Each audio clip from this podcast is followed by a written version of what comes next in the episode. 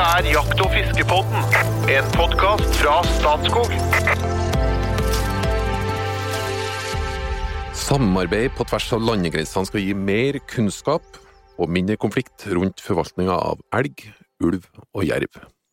Med oss i dag har vi Barbara Simmermann, velkommen tilbake. Takk. Du er professor ved Høgskolen i Innlandet, og så er du også prosjektleder i et eh, ja, grenseoverskridende prosjekt. Hvorfor er det med Det er veldig plagsomt utgangspunkt, kjenner jeg, når jeg prøvde å lese litt om det prosjektet. Hvorfor kan ikke dyrene forholde seg til landegrensene, når forvaltninga er egen i Sverige og egen i Norge? Ja, hvis de bare hadde sett at det var noen grenser der. De ser jo ikke disse grensene. Det er jo bare vi som har det på kart, ikke sant? Mhm. Ikke vi engang ser de grensene når vi er ute i terrenget. Men eh, jo, for så vidt landegrenser ser vi da, fordi det har det blitt hogga. Men, eh, men eh, det er jo mange andre grenser også. Det er jo kommunegrenser, og det er eiendomsgrenser, og det er en ulvesone, og det er eh, en nasjonalpark, og det er jo mange, mange, mange grenser. Eh, Vi ser dem ikke nødvendigvis sjøl. Det er jo det det Grensevilt heter prosjektet. Det er et norsk-svensk samarbeidsprosjekt. Og det går både på tvers av landegrenser, men det går også på tvers av uh, ulike typer vilt. Ja. Både byttedyr og rovdyr. Riktig. Og det er spesielt, ikke det? Uh, ja, for så vidt. Det er ikke så mange prosjekter som uh, jobber på tvers av arter. Men det er jo egentlig kjempeviktig at vi ser på økosystem under ett, da. Men nå snakker jeg litt stort, da. Vi, har jo, vi ser kun på tre arter pluss skogbruk. Men, Mm, mm. men, men likevel så, så, så er det kjempeviktig, fordi eh, vil man forvalte elgen, så må man jo ta hensyn til ulven. Kanskje også til jerven. Um, snakker vi om forvaltning av ulv, så har det også en påvirkning på, på jerven igjen. ikke sant? Så, så dette henger jo sammen. Eh, og det er dumt å bare konsentrere seg på én av artene. Så her har vi nå hatt muligheten til å se på flere arter eh, sammen. Mm. Mm. Statskog er medlem i, i prosjektet. Jeg er med i prosjektet. Du er med, eh, Jo Inge. Ja, det er helt riktig. Vi er med i ressursgruppen i prosjektet. Hvordan er det med jeger og fisk? Ja, vi, er- vi er også med i ressursgruppen. Eh, Ja. Og jeg tror kanskje to stemmer, faktisk. Ja, det er vi nok kanskje. Ja, men det er jo ikke mer enn rett og rimelig, da. Men vi er er Hedmark og forbundet sentralt. ja, ja, er inne i det. Ja da. Og, men, og vi er nok litt sånn eh, Vi, vi er veldig lyttende. Vi, all, all, eh, all kunnskap er god kunnskap, er utgangspunktet vårt, ikke sant? Også, mm. så, vi, så vi følger spent med. Barbara, kan du ta oss sakte og forsiktig inn i prosjektet? Hva, hvilken type prosjekt er det? Det, jeg skal begynne eh, med å si at dette er et EU-prosjekt. Så det er eh, finansiert av Interreg-midler. Um, halvparten da er finansiert av, av sånne EU-midler, og de- den andre halvparten den kommer eh, som egeninnsats da fra de institusjonene som er med, um, og også av eh, fylkeskommunen i Hedmark. Um, det er eh, et prosjekt hvor vi ønsker å se på hvordan vi kan få til en bedre forvaltning tvers av grensa. Som sagt, vi har disse grensene. De er ikke synlige for dyra, de krysser disse grensene. eh, Og det er en del utfordringer. Um, Det er veldig lite samarbeid, for eksempel eh, tvers av landegrenser eh, i forvaltningen. Mm. Så, så, så det, det er det vi skal ta tak i, at vi får et, et bedre grunnlag da, til samarbeid tvers av grensa. Og det gjør vi på eh, forskjellige måter. Um, for det første, vi er jo forskere, da, så jo Det er viktig å skaffe kunnskap, eh, sånn at vi har Sånn at forvalterne har et bedre grunnlag. Um, eh, det er på en måte prosjekt nummer ett, da, det er å skaffe mer kunnskap. Og prosjekt nummer to, det er å få eh, forskjellige interesseorganisasjoner og forvaltningen til å sitte ved samme bord og snakke sammen. Eh, Både sånn at de kan inspirere hverandre, at de kan lære fra hverandre, men også at vi kan lære fra dem og se hva er behovene, hvor ligger problemene, eh, hva må vi forske på, hva slags kunnskap trenger de for å kunne få til et bedre samarbeid. Og det er da den ressursgruppen da, som både Norges Jeger og Fisk og Statskog er representert i. Mm. Men og er også med tilsvarende organisasjoner på svensk side. Så dette er veldig, veldig interessant for oss, eh, fordi vi Vanligvis så, som forskere så sitter vi i våre elfenbenstårn Mm. og, og driver med, med våre statistikkprogrammer og, eller er ute og observerer dyr og sånn, men, men, eh, men her eh, jobber vi nå med noe som er litt, litt, litt grann utenfor vår komfortsone, men Ja. utrolig interessant. Eh, hvor langt har det kommet? Når starta det? Vi starta for litt over et år sia. Så nå har vi hatt eh, Ja, nå er vi egentlig Egentlig så er vi halvveis nå, faktisk. Fordi det er et treårig prosjekt.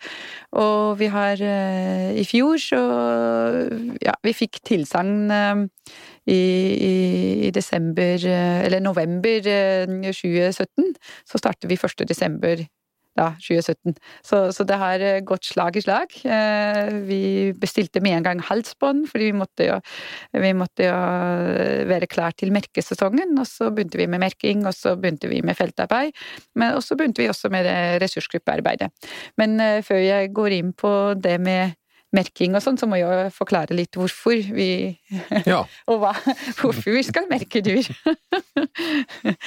um, det er slik at uh, vi har um, innenfor den der kunnskapspakken da, som vi vil levere til uh, forvaltningen og til, uh, til allmennheten, der har vi fire underprosjekter. Vi har et prosjekt som går på å sammenstille Altså å, å se på historikken, altså den historiske utviklingen i forvaltningen på begge sider av grensa, både for elg, ulv og jerv. Det er de tre artene som vi Mhm. konsentrerer oss på nå. Um, eh, Så historikken, og også da dagens forvaltning. Fordi når vi var på vår første ressursgruppemøte, jeg hadde da innkalt alle disse, både forvaltere og interesseorganisasjoner, så, så fant vi jo ganske fort ut at man vet jo egentlig ikke hvordan man gjør det på andre sida av grensa. Så, så det var eh, Det, det det er veldig artig å høre, vet du. Ja, Det er fascinerende. Ja, ja, det er det. Og det, det var slik der, jeg visste jo litt, men ikke alt. Og det var slik der, det er ganske store forskjeller på svensk og norsk forvaltning. Ja. mm. Det, er det. det må vi være enige om. Ja. Veldig store forskjeller. Veldig store. det var mange som fikk sånn aha-opplevelse der. Og Ja. det, det var såpass mange aha-opplevelser at vi faktisk måtte ta en gjennomgang fra norsk og svensk side og ha det i neste ressursgruppemøte. Mm. Så det, det er veldig interessant. Og, og, det, og vi ser for oss da at vi lager en brosjyre hvor man liksom da kan liksom har på venstre side så har man Norge, på høyre side har man Sverige, eller omvendt, men eh, hvor det liksom er eh, et skjematisk framstilt hvordan forvaltningen faktisk fungerer da, for disse tre artene. Så det er eh, ja, det, det er da den der delprosjekt nummer ett, da, Mm. hvor vi skal se og, og, og jeg må legge til at det er klart at dagens forvaltning, den er jo da et resultat av historikken, Ja. ikke sant? Så derfor må vi også kunne forstå historikken. Um, uh, så, så det er delprosjekt ett. Og så delprosjekt to, uh, der ser vi på elgen. Eh, fokus elg og skog. Fordi i de traktene i indre Skandinavia, er, altså spesielt i de nordlige traktene, i nord, nordlige Finnskogen, så har vi da trekkelg.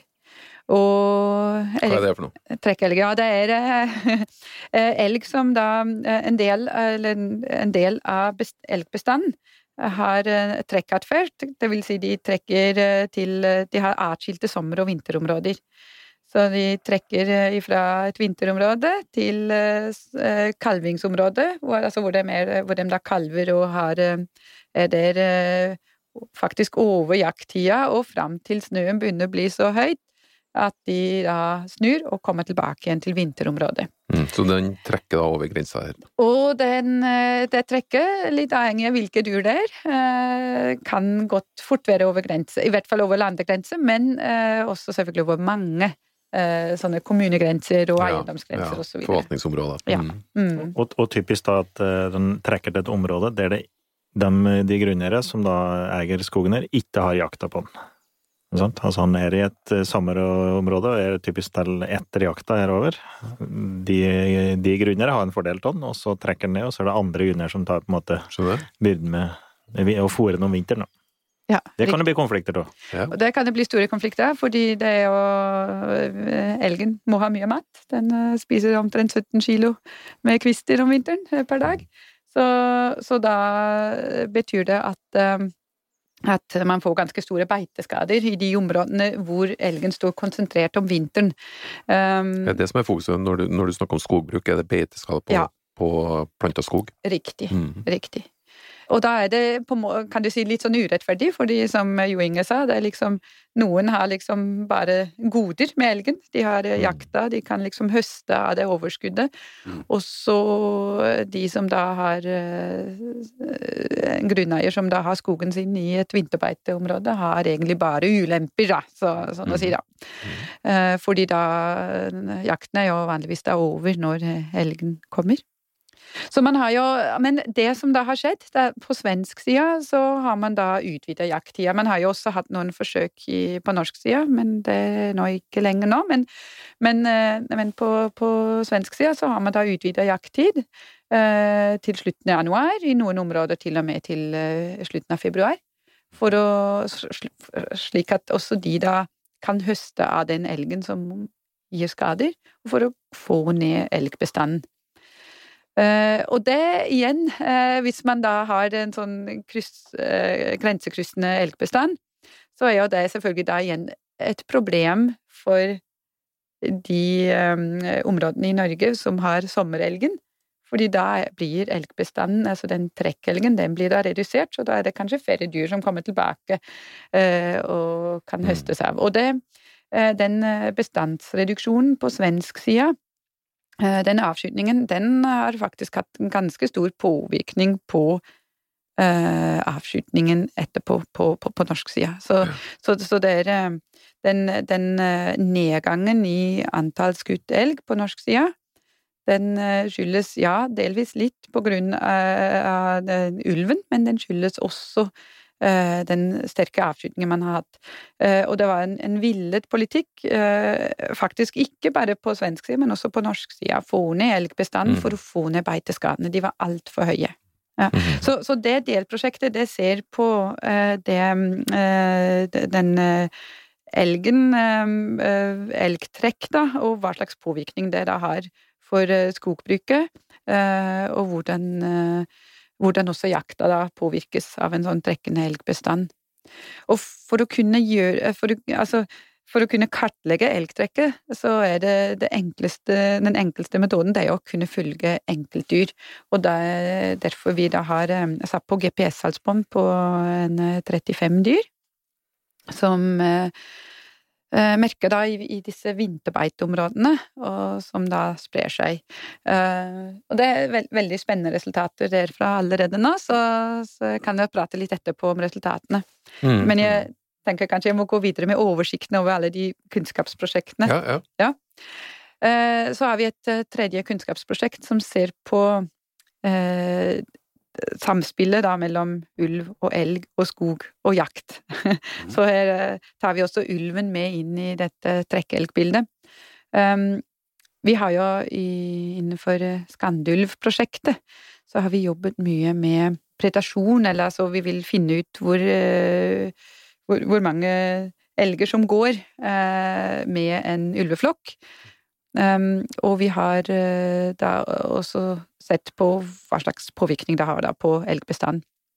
Uh, vi har gjort disse studiene um, i egentlig i en tidsperiode når uh, ulvebestanden var på vei opp. Uh, men vi har, vi, har- vi mangler data fra den tida da når ulvebestanden har mm, begynt å bli ganske tett. Eh, spesielt langs ved grensa så har vi hatt en sånn fortetning av ulvebestanden. Og vi har, eh, vi har ikke gode data på det, så her har vi nå muligheten til å faktisk hente inn eh, eh, ja, den derre drapstakten, eller altså eh, vi kan, Nå kan vi Det måle høres eh, ulvens litt eh, fælt ut. ja, det høres fælt ut. Ok, jeg skal si det litt, litt. Eh, Nå kan vi faktisk måle ulvens uttak i områder hvor det er veldig tett med ulv. Er du fornøyd? Ja, ja, ja. Ja, Veldig bra. ja. Den kan jo tenke seg at Altså, vi, vi har jo sett at hvis ulven har bra tilgang til elg, så tar den mye mer enn det den egentlig trenger. Hvis den har dårlig tilgang til elg, hvis det er små revirer, noe som forventes når, når det blir veldig tett med ulverevir, så vil de også bli mindre. så tenker vi at da blir det sannsynligvis mindre tilgang til elg. Og det igjen vil da eh, bli en nedgang, muligens, i uttaket. Det er noe vi skal teste nå. Mm. Ulvebestanden har økt både i Sverige og Norge. Ja. Mm. Ja. Mm. Og, og det som er litt interessant her nå, det er at vi har en sånn eksperimentell situasjon. Vi har da altså Nå skal vi ta oss en, en, en reise fra vest til øst. Eh, og begynner eh, vest for Glomma. Der har vi ikke noe etablerte ulverevir, fordi der skal det ikke være eh, revirheftende ulver. Mm. Eh, så der har vi en situasjon hvor vi ikke har noe ulver, men vi har en elgbestand som da overvåkes med elgjaktstatistikk. Så krysser vi Glomma, så kommer vi inn i det området hvor vi har eh, på norsk side, hvor vi er ganske tett med ulv, eh, også langs ved grensa, eh, og hatt faktisk det området hvor det har vært um, ulv lengst nå Mm. i de siste åra. Eh, fordi det er jo i Finnskogen eh, hvor de, de første to innvandrere har slått seg ned da i, i begynnelsen av 80-tallet. Det var Og siden det det er der det starta. Hjemme hos deg, Inge. Og etter det så, så, har det, så, så har det vært ulv hvert eneste år i det området. Så det er det området som har hatt lengst med ulv. Så kommer vi til Klarelven, som er da forlengelsen av Trysilelva, de som er litt lokalkjent her nå, eh, som da eh, deler eh, Värmlandslänet i to. Um, på krysser vi Klarelven og kommer øst til Klarelven, eh, på, på østsida av Klarelven, så er det faktisk tom for ulv. Og det er jo litt interessant. eh, Det eh, egentlig ganske eh, så eh, godtatt at det er veldig mye ulovlig jakt som foregår der. Eh, nå lærte jeg nylig at jeg ikke skulle bruke ulovlig jakt, det ordet, men krypskyting. Mm. Ja, og så sier vi da det er veldig mye krypskyting på, på andre sida av, eh, av Klarelven. Eh, og, og det gjør at det er tomt for ulv hvert eneste år, så når man de registrerer noen spor på tidlig snø, og så er de borte. Og det er interessant, fordi da har vi da faktisk et område eh, igjen, da, som er tomt for ulv, hvor vi Men det er på en måte den samme elgbestanden, så vi kan liksom se igjen da på hvordan ser det ut der det er ulv, i forhold til hvor det ikke er ulv, da. Mm. Med hva slags påvirkning har det da på elgavskytingen og elgbestanden. Så, så det er vårt studieområde, da, som er på en Mhm. måte en sånn gradient da, tvers over. Så veldig interessant. Så har vi et delprosjekt til, da. Og Ja. det er Det er et prosjekt som eh, ser på jerven, og, og da når sier skogsjerven Det er klart det er ikke en egen art, det er den samme arten som Mm. den jerven som vi har oppe i fjellet. Men det som er veldig interessant her, da, det er at jerven den har kommet tilbake til skogen. Eh, Den har overlevd i fjellet, eh, men de siste, gjennom de siste 10-20 åra så har den eh, spredt seg mer og mer sørover. Nå enn jo langt sør i dalene og, og, og, og langt sør i Hedmark. Så har vi nå Overalt på Finnskogen. Overalt i Finnskogen Mm. så har vi nå jerveobservasjoner og ynglinger. På svensk sida så er eh, jerven eh, totalt verna, freda, i, i skogslandet. Eh, På norsk sida så er det lisensjakt på, på jerv. Og, og, så den forvaltes igjen da ulikt på de to sidene av grensene. Så, så eh, et av målene vi har med den der jerveprosjektet, det er faktisk å få til en, en god eh, Eller utvikle gode metoder til å kunne overvåke jerv i skoglandet. Vi har gode metoder for fjellområdene, men vi har ikke noe som er bra tilpasset for barmarksområdene Ja, så lenger man sør vet i veldig skogen. lite om jerven Man i vet skogen. egentlig Mm. veldig, veldig lite. Hva spiser jerven, for- forresten? Det er jo, det er jo i utgangspunktet en åtsletter. Eh, På tysk så heter den jo filfras, det vil si eh, spise mye. Mhm. Spise mangt. Så den kan spise hva som helst. Veldig sånn opportunist. Eh, Åtsleter, men er også et rovdyr. Mm. Telles jo som et av de fire store rovdyrene. Um, den kan man vet, Vi vet jo at den lett kan ta villrein. Den kan uh, ta sau. Um, vi vet for lite enda hva slags påvirkning den kan ha på elg. Den vil nok ikke ta voksne elger, men man kan teoretisk tenke seg at den kan forsyne seg av nyfødte elgkalver. Er det, er, det, er det ulvens tilbakekomst i, i Hedmark som gjør at uh, jerven har kommet tilbake? Altså kadaver, sier du, ikke sant? Der ligger jo elgkadaver eh, etter ulvene rundt omkring. Jeg, jeg tror nok at jerven hadde kommet uansett, men uh, at eh, ulven kan ha vært en medhjelper, da. Uh, og, eller gjort det lettere eller raskere for jerven å komme tilbake. Det kan godt hende. Men jerven hadde, klarer seg fint også uten ulv eh, i barskogen, fordi det er masse mat der. Altså, tenk bare på all den slakteavfallen som ligger igjen i skogen, som er Mm. vanvittig stor tilgang til mat. Da klart en kort periode, men likevel. Mm. Og så er det, er det jo mye småknagere i skogen òg, som jerven kan leve av. Og så er det fallvilt, altså annen type. Det er trafikkdrepte elger og mye mat å finne i skogen. Mm. Og så er jakter den jo på småvilt også da om sommeren. Stor respekt for jerven. Mye mindre konflikter rundt jerven. Altså, det er jo jerv her i ulveområdet. Ulven er liksom veldig mye konflikter fortsatt. Mens jerven føler jeg at det går litt under radaren. Jerv og bjørn, det går, liksom, det går greit. Ulven er fortsatt konflikter til. Bjørn har noe med geografi å gjøre, Jo Inge. Vi har bjørn, vi òg. Ja. Eh, men jeg ser eh, vi har, vi har forskjellige forskningsprosjekter på vår grunn, og jeg er med på noen av dem. Og da er det typisk eh, med overvåking med kamera, viltkamera. Og da så kommer ulven, ulveflokk, det er i det området her, en ulveflokk. Så kommer de først, på en vei, for eksempel. Og så kommer jerven etter, og så kommer reven. Mm. Så har du neste vei, så kommer ulven, så kommer jerven, så kommer reven.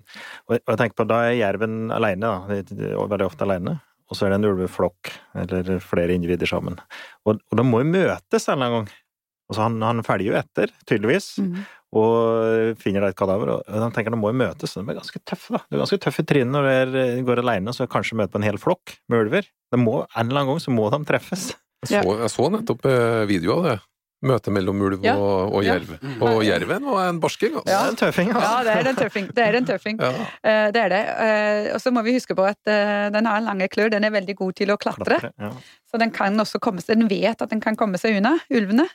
Um, eh, og, og, det er, og det, er, eh, det er det som er så spennende også nå med det prosjektet, fordi nå har vi da sett, har vi satt på halsbånd på både ulv og jerv og elg i samme område.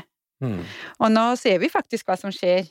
Hvor lang tid tar det før jerven dukker opp, ikke sant? Når, Ja, se, se litt om, når eh, om du har fått noen overraskelser når du Nå er jeg halvveis i Ja. prosjektet. Du har sannsynligvis begynt å se, Ja. se noen interessante funn. Ja, så, så det, enn så lenge så har, jeg, har vi masse sånne observasjoner, fordi vi har ikke analysert de statistiske ennå, så vi kan ikke si at i så og så mange prosent så skjer det og det. Men hva Men- observerer dere? Men, men vi, ja, vi observerer mye spennende, kan, kan si dere. Klart, jeg følger jo med på skjermen, ikke sant. Også det er jo liksom det første man gjør på morgenen når man kommer på jobb, det er å starte opp skjermen og se hva har dyrene gjort nå siste natt. Mm. fordi eh, for det, det skjer masse der ute. Og vi har jo hatt eh, tilfeller nylig ikke sant, hvor da Uh, ulvene har eh, eh, det, det er en av de flokkene som vi har uh, Så det er et par, det er ikke en flokk, men det er et par som vi har merka med GPS. De har da eh, tatt en elg, og så eh, vært, De tok den elgen på,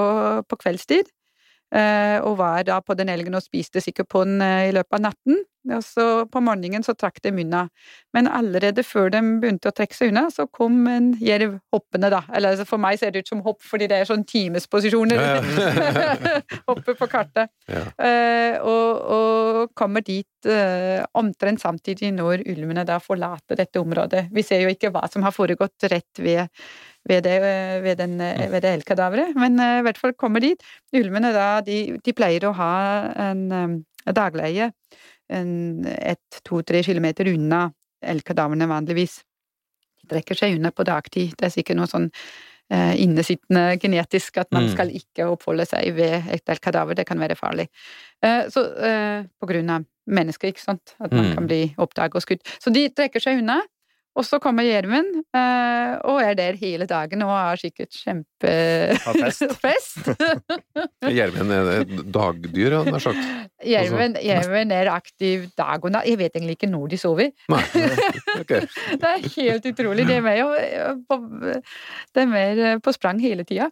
Og så er det på dagtid, og så, og så begynner de å trekke seg unna. Så kommer ulvene tilbake. Så, så, så her er det tydelig at de eh, Den jerven var veldig rask til å oppdage. Hvordan han klarte å oppdage det, var jo Den kom jo over en fem, seks, sju kilometer til det kadaveret, så om en har hørt eh, korpen, eller om en har fått noe lukt, eller eh, Det vet vi ikke. Og så blir han der da, som sagt, over, på, over dagen, og så vet han sikkert at ulvene kommer tilbake på kvelden. Og da bare Så Nå er jeg mett, så nå altså, reiser jeg. Som du nevner, Espen. Mm. At det, det var jeg overhodet ikke kjent med at det var noe samspill mellom eh, de to rovdyrene der, men det er jo åpenbart det. Det er flere funn Ja. du, du har gjort, eller observasjoner. Ja, vi har jo, vi har jo også satt opp um, Vi har hatt uh, to veldig dyktige bachelorstudenter, en Kristoffer Nordli og en Marius Rokstad, som har, eh, før vi begynte med grensevilt, uh, har um, studert uh, det med jerv og ulv, og hvordan det samspillet er. Så de har da satt opp viltkamera på nydrepte elger, som da altså var drept av ulv. Det var ulver som også hadde GPS-halsbånd. Eh, og satt på villkamera der, eh, og da etterpå analyserte et kjempestort datamateriale. Um, og der så de jo også at uh, på altså både høst, vinter og vår, alle de elgene som da ble overvåka, så kom jerven. Så de fant Altså alle de Mm. ulvedrepte elgene ble oppdaget av jervene. Og, og, og det var vanligvis en tidsforsinkelse på to-tre dager, men så var den der.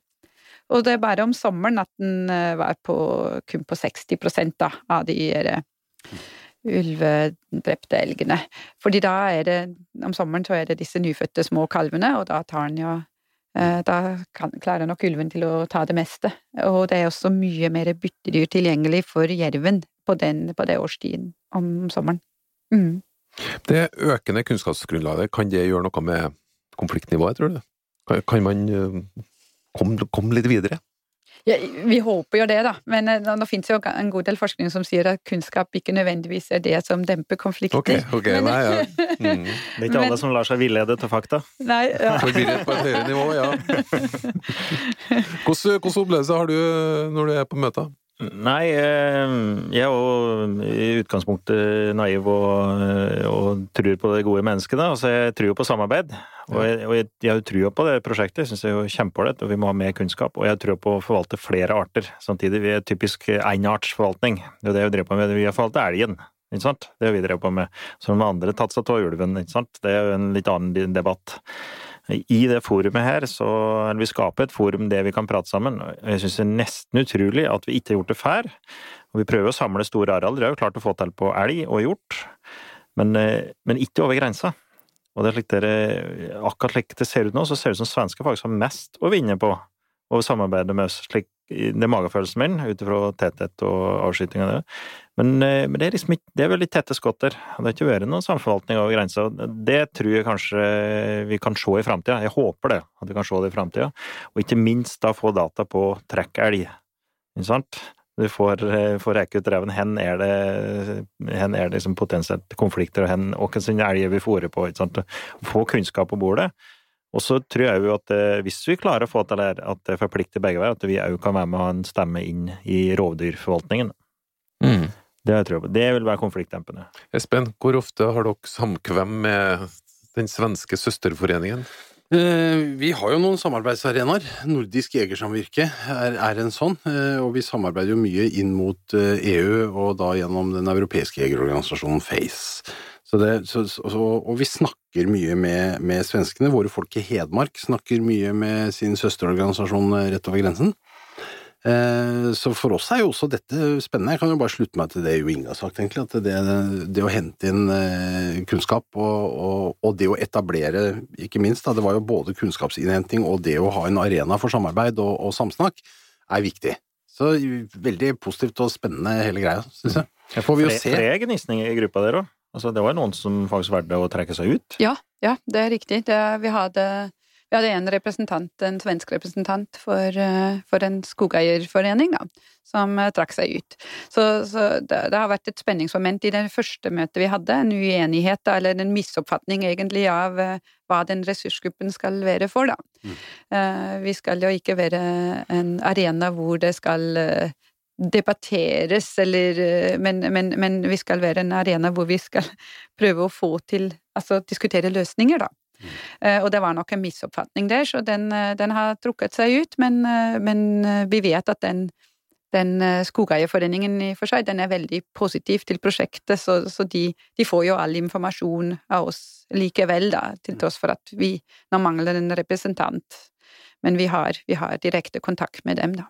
Mm. Mm. Tror du det kan resultere i noe fast samarbeid på tvers av eh, landegrensene? Det hadde vært fantastisk. Det er klart, vårt forskningsprosjekt er over etter tre år, men vi vi håper, vi, vi håper, at den Interreg-ordningen fortsatt finnes eh, når prosjektet er over, sånn at vi kan søke om tre nye år, fordi vi har allerede masse ideer til et grensevilt to, da, mm. til en fortsettelse.